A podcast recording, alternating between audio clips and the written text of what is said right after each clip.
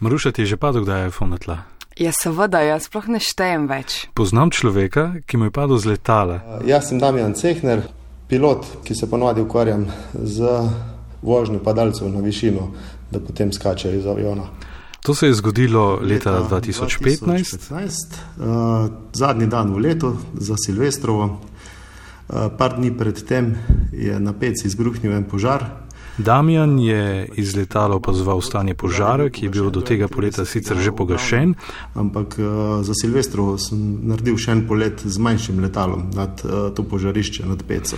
Ker je bilo treba stanje dokumentirati, torej fotografirati, je Damjan, ki pri sebi ni imel fotoaparatov, vzel svoj telefon, posnel je nekaj fotografij in začel se je vračati proti letališču.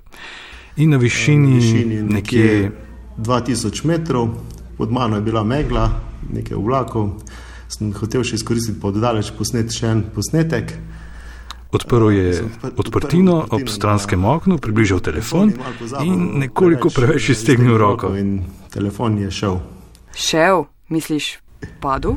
Padel iz aviona, ja, iz višine 2000 metrov. Vse prvo malo šoka. In Daminova prva reakcija za sekundo se je celo spustil za telefonom, ampak je hitro ugotovil, da je telefon izgubljen zavedno.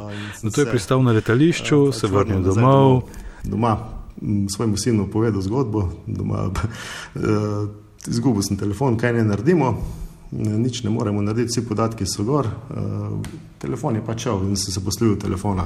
Uh, so pa od doma, bolj za hec, poklicali številko telefona in poslušaj tole.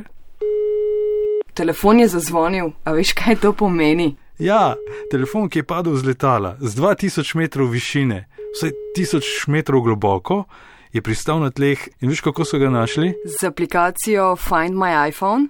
Ja.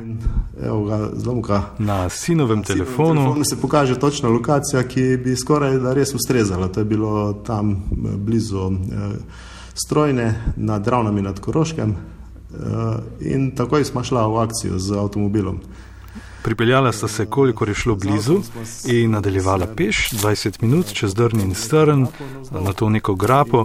In ko sta bila že čisto blizu, eh, z njegovega telefona kličem. In dejansko res eh, je toliko približal, da smo telefon našli po eh, uri in pol, odkar sem ga izgubil iz aviona. Na telefonu, poslušaj tole, ni bilo niti praske. Kaj? Očitno je padel skozi krošnje drevesa uh, na mehko površino. Aha, pa še to je zanimivo. Ne? Čakaj, ni še konec. Ne, ne samo, da je telefon padel. eh, Tisoč metrov globoko in ostal brez praske. A se spomniš tistega trenutka, ko ga je izgubil? Ja.